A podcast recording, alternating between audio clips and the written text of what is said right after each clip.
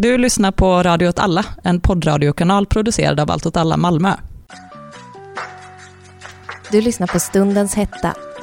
I Stundens hetta diskuterar vi aktuella händelser och situationer som berör oss alla, på samhälls och individnivå. Följ oss på sociala medier och stöd vår verksamhet genom patreon.com snedstreck Malmö. Hej och välkomna till eh, denna veckans avsnitt av Stundens hetta. Och med mig idag så är eh, Lucy Hej. och Kalle. Hej. Vi har, som ni kanske märker då, så har en annan röst fallit bort. Hon har svikit oss Ja, och flyttat söderut till Milano. till Det är Milano. illa. Det är väldigt illa, så kanske att vi kommer att göra lite avsnitt via länk om vi orkar. Ja, Men vi får se. det är skitstörigt. Det är upp att till spela dig in. Anna. Ja, det är upp till Anna. Men det Köpa är så störigt att spela in via länk alltså. Jag men förstår det inte kan de som gå. gör det med vilja. Men eh, vi kan ju börja med, det var ju länge sedan vi sågs ja, i det här Mm. I forumet. Vi kan börja med att prata lite om vad, vad har ni gjort sedan senaste avsnittet? jag har, tagit, Eller- le- jag har varit helt ledig från Radio alla eh, jättelänge. Wow. Det har varit jätteskönt. Men Mm. eh, eh, jag ber så hemskt mycket om ursäkt alla trogna lyssnare.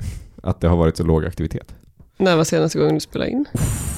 Eh, jag var med i ett panelsamtal men det är typ tre, fyra veckor sedan jag senast var ute i etern. Det är gött. Ja. Vad har du gjort? Jo, det var jättelänge sedan jag var med i Radio alla sist. Det är väldigt tråkigt att. Ja, jag har varit ledig hela sommaren. Wow. Nu eh, har jag börjat plugga igen. Ja. Det är ju kul. Men det är ju kul och snacka lite. Snacka Ja. lite politik. Gött. Mm, vad har du gjort då? Jag har eh, inte varit ledig så mycket, men jag har eh, varit på någon form av eh, inre resa i Norrland. Ja, det, får är en så jävla bra. Så jävla bra för inre resor. Ja, det var verkligen Norrland. en inre resa. Det Det är tufft och du jobbigt. och alla andra svenskar i sommar. Precis, jag, jag följde den trenden. Mm. Jag gjorde det. Helt rätt. Jag tog det. Det var jättekul. Ja. Kommer nog göra det igen, kanske inte nästa sommar. Norrland är väldigt kul. Försöka Alltså. åka utomlands, men... men någon gång i framtiden. Men, ehm, och vi har ju varit dåliga på att släppa, som Kalle var inne på. Men vi skärper oss nu till hösten. Ja, och ja, så om vi håller ut till nästa sommaren, ja. nästa sommar, så kanske vi ska säga då att nu, nu släpper vi några avsnitt några veckor istället. Jag, jag tänker att vi, anledningen till varför det blev som det blev var för att vi tänkte att vi inte skulle ta sommarledigt, men vi skapade ingen som helst struktur för att se till så att det inte blev så. Nej, precis. Och också att det har varit lite tråkigt. Ja, det har varit en rätt trist Mm. sommar. Eller hur? Ja. Det har, inte hänt, det har hänt skitmycket saker, men också ingenting. Ja, Mm. Eller? exakt så. Ja. Man måste ju få vara ledig också, Ja. tänker jag. Folk kan ju Precis. läsa nyheten. Vi... ja, nyheterna själv. Läs nyheterna. också att vi är emot arbete, och det här är lite av arbete tänker jag. Alltså det är också, det tar emot att göra saker. Personligen. Det är jobbigt. Man, man är ju en latmask. Ja. Men med de orden så börjar vi veckans avsnitt. Ja. Och eh, Kalle, du skulle börja prata om någonting. EBO-lagen. Oj. Ja. Eh, EBO-lagen är alltså lagen om eget boende. Den har funnits sedan 1994 och den handlar helt enkelt om att eh, flyktingar som bor i Sverige har rätt att bo utanför flyktingförläggningar och ändå få bidrag.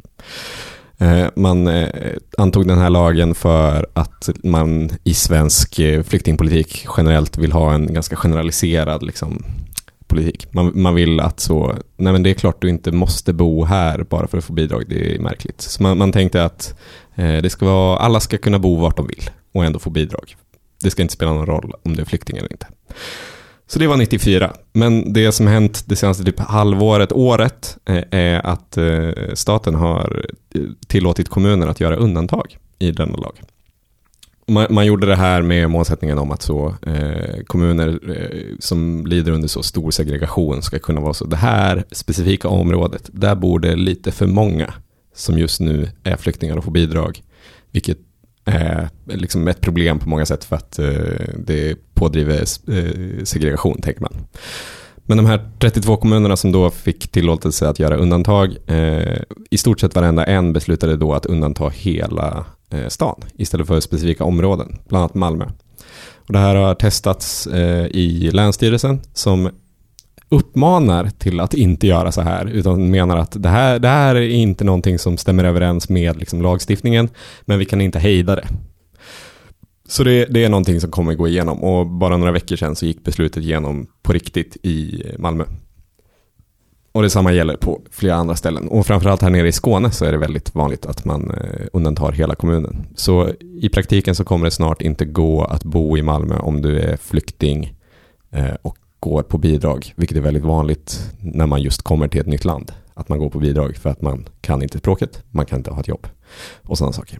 Och, och, och anledningen till varför det här är liksom spännande är ju för det första just att det är en uppluckring av liksom generell, det är så här, svenska statens generella politik. Att man, att man alltid vill att allting ska gälla alla. Alla ska ha rätt till sjukvård, alla ska ha rätt till skola och så vidare. Och det är någonting vi har pratat om mycket i podden, alltså just eh, den eh, generella allmängiltigheten i svensk politik håller på att luckras upp. Att det är så. Det, eh, vi luckrar upp våldsmonopolet, det ska vara särskilda eh, ordningsvakter på vissa ställen och så vidare. Och så vidare. Eh, och just att du som flykting inte ska ha rätt att bo vart du vill är ju en väldigt tydlig liksom, uppluckring av ens rättigheter kan man väl säga. Det som är intressant med det här just nu är att, att liksom lag och ordning och eh, invandringsfrågan är på väg tillbaka. För visst var, visst var det så att sjukvård under typ ett halvår har varit den främsta frågan. Eller? Ja. Mm. Men, men nu i dagarna så kom lag och ordning och invandring tillbaka. Mm. It's back. Eh, och, With bang. with a bang. Eh, just det, det ska vi prata om sen. Ja. Men, men eh, och, och det gör liksom hela EBO-diskussionen liksom viktig igen för att EBO i praktiken handlar ju om just kommuners möjlighet att utesluta specifika typer av individer från sin, sin, sitt geografiska område. Det är det är det det handlar om. Det känns ju som signalpolitik från två håll. Dels mot väljarna. Kolla här. Nu säger vi ifrån mot den här fruktansvärda invandringen. Och Hej flyktingar, ni är inte välkomna hit. Mm. Det är ja, en signal åt två håll. Liksom. Ja. Men, men eh, det det i praktiken också in, kommer innebära är ju inte att flyktingar som eh, går på bidrag inte kommer bo i Malmö. Det kommer ju bara betyda att de kanske löser det på andra sätt. Man skriver sig Mm. någon annanstans. Ja, det gör ju folk redan. Och har man haft minsta lilla insyn i Malmös liksom svart kontraktsbostadsmarknad så vet man att den är fan, den är sjuk. Allting är jävligt dyrt och allting är oerhört otryggt och läskigt och fruktansvärt. Eh, men men eh, det är också så att vi nu på något sätt går in i en ekonomisk kris för många kommuner. Alla kommuner i stort sett, så vitt jag vet, går med jätte, jätte mycket back. Och nu i månaderna så kommer liksom budgetarna läggas. Så min hot take eh, är att lag och ordning snart kommer, liksom, eh, eller ja, att, att kommunernas ekonomi kommer bli den stora, stora diskussionen inom svensk politik de närmsta månaderna. Just eftersom att budget läggs om en månad. Eh, och alla går så himla mycket back på grund av corona. Och EBO på något sätt Eh, blir någon slags eh, kärnfråga i det. Just eftersom att det är en så enkel sak att säga. Okej, vår kommun går skit. Hur löser vi det? Vi utest- exkluderar dessa människorna som på olika sätt vi anser vara tärande på vår ekonomi. Eh, jag har inte så jävla mycket mer att säga än det. Att, att det kommer bli det, är, det är min eh, starka, starka känsla att det är kommunernas ekonomi som kommer bli het nu. Och att man kanske borde ha koll på det. I, om man bor i någon liten kommun någonstans så kanske man ska ha koll när eh, budgeten droppas. Det brukar vara i slutet av oktober. Men det hemska är att man skyndar på också ett sånt parallellsamhälles framväxt liksom. Ja, det pratade ju du om i Apans anatomi. Ja, det gjorde jag faktiskt. Bra reklam. Förra veckan. Men absolut att det är ett sånt påskyndande av den, de processerna. Att man exkluderar människor och så vet man, alla i Malmö vet ju att stora delar av Malmös lokala ekonomi är beroende av den arbetskraften. Ja, ja. Typ biltvättarna på Norra Gränges är väl ett sånt ypperligt exempel liksom, där folk jobbar för Mm. 40 kronor i timmen för att tvätta bilar. Ja. Eh, både som en eh, vara, eftersom folk inte har råd med eh, den vita ekonomin, men också som ett arbetstillfälle för man får inga andra jobb. Mm. Och om då man då eh, förvägras bidrag liksom, då, alltså, Mm. Jag, jag tycker också att, eh, eh, att man, om man bor i Malmö kanske, att man borde stålsätta sig för att börja, behöva hata Staffanstorp och Vellinge och sådana kommuner lite extra de oj månaderna. vad svårt det kommer bli, för jag hatar verkligen Ja, men man gör ju det redan. Men, men för det kommer vara så jävla mycket skitsnack om så. Oj, oj, här ser vi Malmö gå jättemycket back. Eh, samtidigt som alla i Vellinge är helt jävla beroende av Malmö. Mm. Och alla som är höginkomsttagare i Vellinge är det för att de äger företag i Malmö. Liksom. Men det Mm. Intressanta med Malmö och EBO-lagen är ju att eh, kommunen styrs av Liberalerna och Socialdemokraterna. Ja. Så det visste också, precis, Stefan Löfven var ju ute förra veckan och mumlade om att eh, in- invandring eller etnicitet och kriminalitet på något sätt hörde ihop. Mm. Någonting han har vägrat säga innan. Så Mm. det visar också att Socialdemokraterna har ju valt sida där i Ja. den diskussionen. Mm. Men sossarna centralt säger att man inte ska undanta hela kommuner från EBO. Mm, Men Det kommer ju ändras. ja, eller så gör det inte det. Alltså jag tror inte, jag tror inte just eftersom att vi har ett så konstigt politiskt läge när det kommer till kommunala styren, Mm. så tror jag att så det är locket på kring hur sossarna beter sig i olika kommuner från det centrala. För att man är så, vi, vi, vi kan, kan inte säga någonting om det här för det kommer vara konstigt. Alltså om man säger att det här är för att minska segregationen och som du säger att det, är, det ökar parallellsamhällena Ja. eller skyndar på Mm. den processen. Det är, Ja, det är det- otroligt hur man liksom kan använda den här diskursen och den här retoriken. Och, Det är inte som att de som så inte kommer kunna ta bidrag och bo på ett vitt kontrakt i Malmö, det är inte som att de kommer flytta till Kalix som inte har undantagits e-bolagen. Liksom. nej, Nej. De kommer inte flytta till, jag vet inte. verkligen inte. Men också att, eh, alltså den här, just den här diskursen kring liksom, lag och ordning, att Ebba Busch gick ut i veckan och sa att vi ska bygga fängelser utomlands för att då kan vi deportera alla det är också den invandrare i grejen. våra fängelser. Nu Men spårar vi, men det, det kan väl inte vara att hon faktiskt tänkte att det är en bra idé? jag tror inte att hon helt ärligt tänkte att det på något sätt skulle gå igenom, men jag tror att det är också för att lyfta liksom, Ja. frågan om invandring på ett sätt som, Man som folk tänka, bryr sig om, för att fängelser är så himla liksom, vedertaget i samhället. ja, precis. Men man får ju tänka också att hela den, eh, de, de politiska maktblocken som är de dominanta idag är ju ena sidan, det, här hatar ju sossar att höra, men det är ju cen- det är centerismen med socialdemokratin, Centerpartiet, L. Och andra sidan är det ju KD, SD och M. Och Ja. det som, för, Mm. det som liksom skapar de här blocken är ju bara invandringsfrågan egentligen. Så att, Ja. liksom för att upprätthålla någon form av skillnad med de här två blocken, för den ekonomiska politiken är ju i slutändan likadan. Ja. Så enda sättet att, att upprätthålla någon form av eh, chimär om att de är olika är ju att diskutera de här frågorna. Ja. Mm.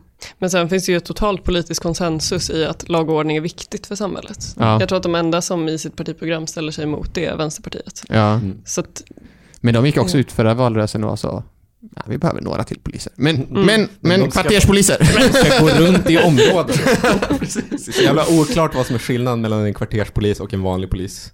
Ja, jag får ju bilden av en kvarterspolis, det är så här Bosse, 68, Ja. Socialdemokratisk polis. mingla lite, den som minglar lite. Ja, han är nog en värre polis Mm. för oss som vill omstörta samhället Ja. än piketen.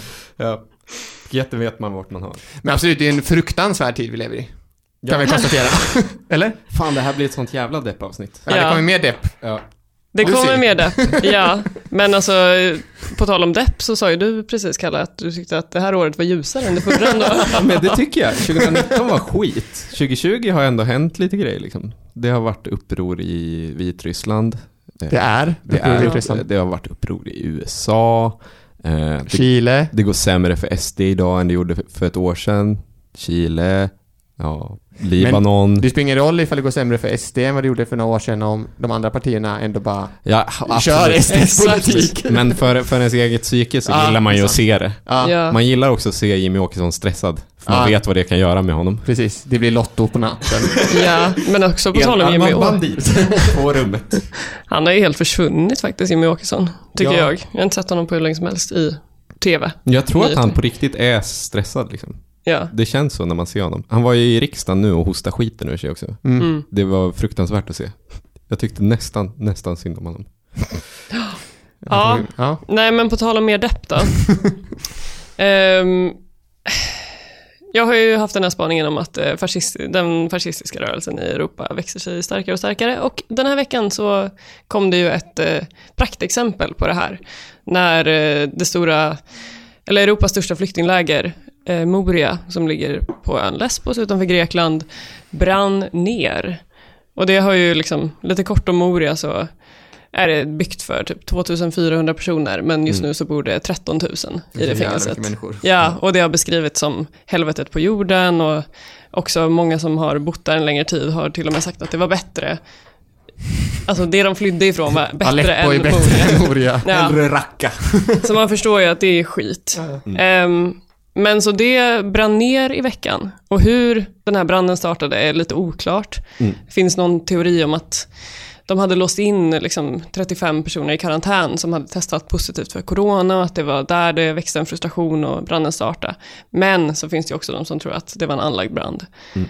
Ehm, men det som var så himla hemskt med det här var att folk uppenbarligen var tvungna att fly från lägret och skulle fly till närliggande byar, men sånt blev jävla- stoppade Så av... jävla totalt mörker att behöva fly från sitt flyktingläger. Exakt. Och fly mot närliggande byar där de blir stoppade av lokalbefolkningen som säger att de får inte komma in.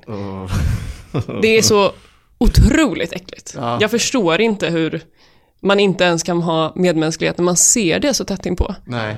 Jag fattar liksom att folk har svårt att relatera till det om man ser det på en tv-skärm. Ja. Även om jag inte håller med om att det är rätt. Men jag förstår det mer än att se det hands-on. Liksom. Har hela lägret brunnit ner liksom? Mm, Det är, I princip. Så nu är det ju 13 000 människor ungefär som är än mer hemlösa liksom, än vad de var i, i lägret och bor på gatorna och väntar på något sorts beslut eller någon sorts hjälp. Men är eh, det, är det grekiska staten typ som ska fixa någonting?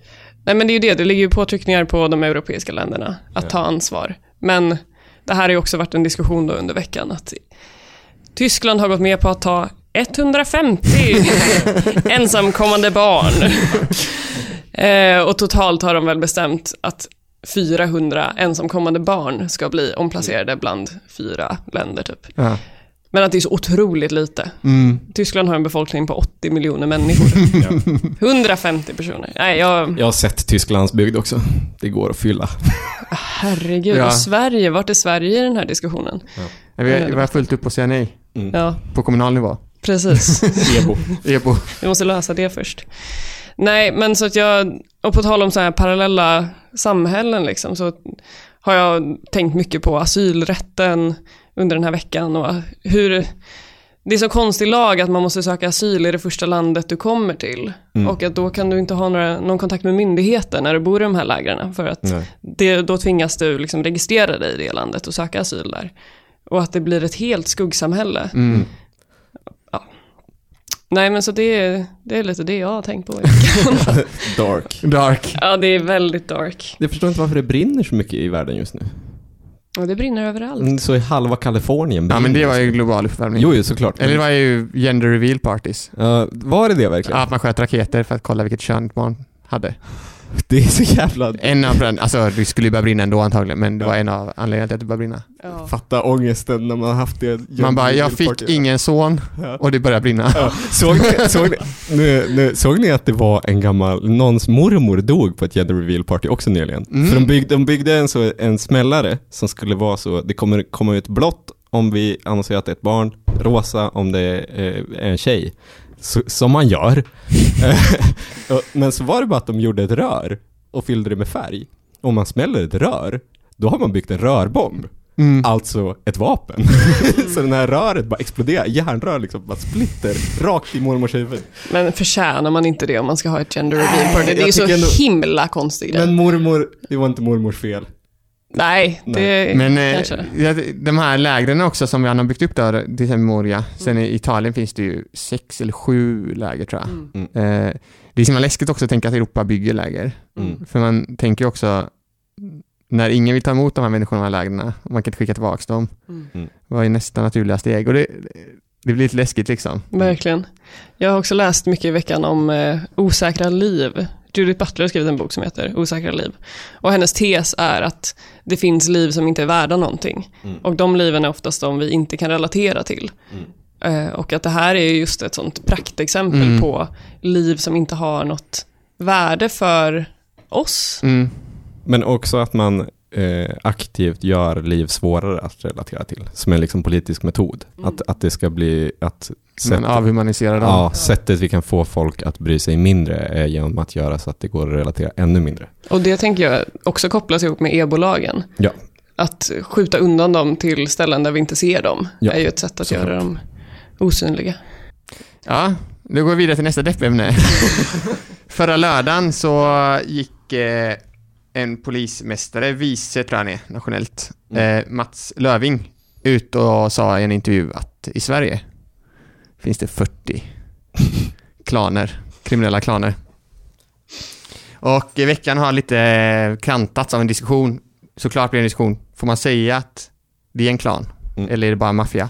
Och en klan då, det eh, kan beskrivas som en familjestruktur som är ganska stor och som ofta är transnationell, är liksom Mm. det viktiga då. Att man har förgreningar lite här och där. Låter fortfarande bara som maffia. Exakt. Eh, och, och det har varit en diskussion då om, om det överhuvudtaget finns 40 klaner i Sverige. Många Mm. poliser säger att det inte finns 40 klaner i Sverige. Andra säger det är väldigt bra att man äntligen pratar om problemen. ja, ni har hört det förut. Eh, Peter Springare pratade om lite innan. Påminner väl honom. Men i alla fall, eh, och ehm, det är mest att man då pratar om att det finns i vissa, det som kallas utsatta områden, alltså eh, områden då som myndigheter och polis framför allt konstaterar att det finns en tystnadskultur. Det finns alternativa sätt att lösa problem i området. Istället för att gå till polisen när någon blivit misshandlad så ringer man den äldsta i en annan familj och så snackar man om det, kanske betalar lite eller så. Med, eh, ofta så agerar ju då eh, de här, enligt polisen, de här familjeöverhuvuden i klanerna som någon form av medlare. Men eh, det intressanta är väl inte det här egentligen. Det är klart som fan att om man lämnar ett område, lägger ner Ja. bibliotek, tar bort bankomat, skär ner, tvingar ens släktingar kan inte få bo där för de får ingen bidrag som ska göras någon annanstans, Mm. eh, pissar på folk i ett område. Det är klart man söker och löser sina problem på andra sätt och får ett ökat misstro mot myndigheter. Ka- eh, Men jag tycker att det också är jättekonstigt för den här polischefen, han var så, det är 40, eh, 40 klaner som har kommit till Sverige med enskilt syfte att begå brott. Ja. Men när jag hör folk prata om klanstrukturer så är det ju inte det de pratar om, utan de brukar ju prata om just det andra. Ja, precis. Just det där Så här. kändes ju bara... Typ, typ när det var val 2018 så var det ju snick, snack om den så kallade klanrösten. Det var ju första gången man pratade om det och det var ju Ja. från ett eh, domstolsfall i Uppsala där det Mm. var en kvinna som blev misshandlad av sin man och då satt det en centerpartistisk eh, ledamot i rätten. Mm. Vad heter det? Eh, det heter Nämndeman. något. Nämndeman. Det här var nämndekvinna då. Ja. Eh, och eh, hon, hon var, var emot att döma gärningsmannen utifrån att kvinnan hade ett sämre rykte Ja. och att det här borde lösas inom familjen. Och då Ja. blir det en diskussion om klaner. Ja. Hon är också idag utesluten då, från Ja. Centerpartiet kan man ju säga också. Men, men alltså så generellt att när man brukar prata om klan så menar man väl, alltså jag tycker att det är konstigt att prata om klan överhuvudtaget. Ja, det är men, väldigt märkligt. men, men just, man brukar ju inte prata om det på, där det bara är en synonym till maffia. Nej, men, det, men det, det här är det intressanta. För det intressanta är egentligen inte... Det är klart det finns eh, parallellstrukturer i områden som är utanför samhället liksom, och Mm. som tvingas vara utanför samhället. Mm. Eh, och det blir ännu värre då om man hela tiden blir stoppad av polis för att man har ett visst efternamn, för att Ja. man anses tillhöra en klan. Mm. Det blir en ganska dålig, vad ska Ja. man säga, spiral. Man börjar inte älska polisen. Nej, det gör man ju inte. Mm. Eh, så det, det skiter vi i. Det är inte så intressant. Det intressanta är väl varför den här diskussionen har börjat igen och det har jag varit inne på lite här nu när eh, de här frågorna är uppe igen. Mm. Och det finns ett, eh, det finns några begrepp här jag kommer gå igenom lite fort för att förstå den här händelseutvecklingen. Eh, och det ena är hegemomi. Oh. Och hegemomi handlar om liksom hu- hur någonting bestäms för vad man ska prata om i samhället och hur problem gestaltas i samhället. Mm. Eh, och det pågår alltid en kamp mellan olika krafter i samhället då. Mm. Om vad som är liksom, Vad hur, diskussionen är och vad konflikterna är. precis, och hur den går till. Mm. Eh, och sen finns det ett annat bra begrepp som heter progressiv nyliberalism, som man kan ha med sig här. Woke capitalism. Mm. Exakt. Och det är en kvinna som heter Nancy Fraser, som är en feministisk forskare, teoretiker och eh, aktivist kan man säga. Som har eh, dels skrivit en ganska ny bok som heter Feminism för 99 procenten som är svinbra. Superbra. Men eh, hon har också, hon har lanserat begreppet, eller inte lanserat kanske, men hon har förklarat vad det innebär, nyliberalistisk eh, Progressiv nyliberalism. progressiv nyliberalism. Och det handlar om att innan, eh, när nyliberalismen kom så var den eh, väldigt hårt knuten till de eh, konservativa krafterna i olika partier. Det var liksom Tories i England, det var republikaner i USA. Så det var en ganska konservativt laddad, men det var ändå, grundidén var ändå fördelning av kapital från stat till privat ägande. Mm. Det är ju själva grunden alltid i nyliberalism. Men sen på 90-talet skedde ett politiskt skifte inom nyliberalismen och då pratade hon att det var en progressiv nyliberalism. Mm. Och då tänker man det som är just woke capitalism. Mm. Men också att de sociala rörelser som fanns, den feministiska rörelsen, hbtq-rörelsen, den antirasistiska rörelsen, vissa av de kraven om representation gick inte emot kapitalismens logik. Nej. Utan det var ju mer så empowerment för kvinnor, kvinnor ska Mm. också kunna vara VDs. Mm. Det är Mm. empowerment att vara VD. Eh, homosexuella ska också kunna köpa saker. Mm. Ja men det, alltså så här, ganska så här, grundläggande mänskliga rättigheter helt enkelt. Mm. Och det går ganska bra ihop med kapitalismen, liksom kapitalet. Mm. Men det som är, och då kan man tänka att det var Reinfeldt var en sån. Mm. Eh, Bill Clinton var en sån. Mm. Eh, Centerpartiet är en sån idag. Mm. Eh, där, det är där man liksom förklär då eh, nyliberalismen i, i ord om just som man tar från sociala rörelser. Mm. Och också i samarbete ibland med sociala rörelser. Ja. Typ Pride. Ja. Man wa- washar Pride från allt politiskt innehåll egentligen Mm. och så blir det bara ett sånt branding-grej. Mm, Man har sett det också i Black Lives Matters har det varit sådana försök. Det har inte lyckats för det är för bred och stor och stark rörelse men där har liksom Netflix haft en Black Lives Matters-tema. Mm. Jag tror det var typ Apple som hade så här BLM Just det. och de bryr sig inte om andra liv som har en annan hudfärg än vita som de har typ slavfabriker där folk tar självmord i Kina. Ja. Mm. Så ja. Men det, det, men det är väl generellt att man, att man pratar mycket om rättigheter men man talar nästan bara om rättigheten till konsumtion av olika slag. Precis. Mm. Och det som har skett de senaste åren är ju att det har skett ett hegemoniskifte inom svensk politik där vi återigen är ett konservativt, konservativt eh, liksom, tidevarv Mm. där de, de politiska förklaringarna är mer konservativa. Mm. Så också synen på förorten har ju blivit en annan än vad det var innan. Under Reinfeldt var det ju mer vi ska lyfta förorten genom att satsa på riktigt härliga entreprenörer. Mm. Kioskägaren är den viktiga i förorten. Mamman som städar i villor. Precis, kan ju ha ett eget företag. Mm. Kan bli en, e- alltså så. Mm. Men det som har skett då när, när liksom, det blir tomt till sist eftersom det handlar egentligen om exploatering av människor hela tiden. Mm. Så blir det, det blir en tomhet i det. Så att nu är vi i ett konstruktivt tidevarv och då blir ju synen också på den andra eller den som icke-vit blir mer disciplinär. Så då Mm. blir det mer förorten är ett helvete, Mm. den måste tuktas och styras upp. Mm. Och då blir det sådana diskussioner om typ klaner, parallellsamhällen, eh, typ militär in i förorten. Det var det här sjuka förslaget att man skulle tvångsomhänderta barn som hade Mm. fel efternamn, alltså som då deras föräldrar ansågs tillhöra en klan. Mm. Eh, och Så att citattecken skicka en signal. Skicka en Det- signal det är ja. så jävla absurt att så, det här barnet, vi ska kidnappa Det här barnet, om man tänker då signal. att det tillhör en kriminell familj på något sätt, alltså typ som någon familj i Gomorron i Italien, så tänker man ändå att det barnet kommer ju fostras upp eventuellt i en kriminellt, eh, alltså syn på samhället. Jag tror inte det blir bättre om det är tvångsomhändertas. Men det, är- det är en annan diskussion. Det var inte heller ett seriöst förslag tror jag. Men, eh, ja, och det kan ju förklara i alla fall att vi kan se de här mer och mer vidriga liksom, diskussionerna kring eh, brott och straff, kring hur man ser på förorten, eh, liksom hur man ser på flyktingar, just att det är den här disciplinerande sidan är tillbaka. Mm. Och det var väl det. Ja. Fan vad dark alltså. Lite Ja, dark. Ja. gud ja. Också det här skapandet av, eh, av vi och dem. Mm. Det tycker jag, det skrämmer mig väldigt mycket. Och det ser vi ju allt som vi har pratat om idag. Men jag tycker fortfarande att året är fan bättre än förra året alltså. Jag, jag har ändå eh, haft eh, fler härliga möten med folk som gör balla grejer i, i min stad. Absolut, det finns ju- 2019 Ja, ja. Liksom. Det är, det, det är väl kanske det som man ska ta med sig från den här parallellsamhällesdiskussionen. Om man inte är en sån eh, vänsterpartist-tönt, Mm. eller sossetönt, för då säger man ju vi måste ha en stark välfärdsstat som disciplinerar här istället Mm. och som fördelar resurser och som bygger ett bibliotek igen eller vad det nu är. Mm. Så är största problemet med parallellsam- det eventuella parallellsamhället som finns är att inte vänstern är det som bygger det. Ja. Det är Mm. det som är felet. Ja, verkligen. Ja. Så det är en fackla man kan kasta med. Att vi ska, måste bygga egna parallellsamhällen. Ja, eller egna, alltså om, om det svenska samhället slutar bry sig om människor som uppenbarligen agerar i det men som inte anses vara eh, en del av det så är det klart att det är vi som måste vara där. Följ oss på sociala medier och stöd vår verksamhet genom patreon.com snedstreck allt åt alla Malmö.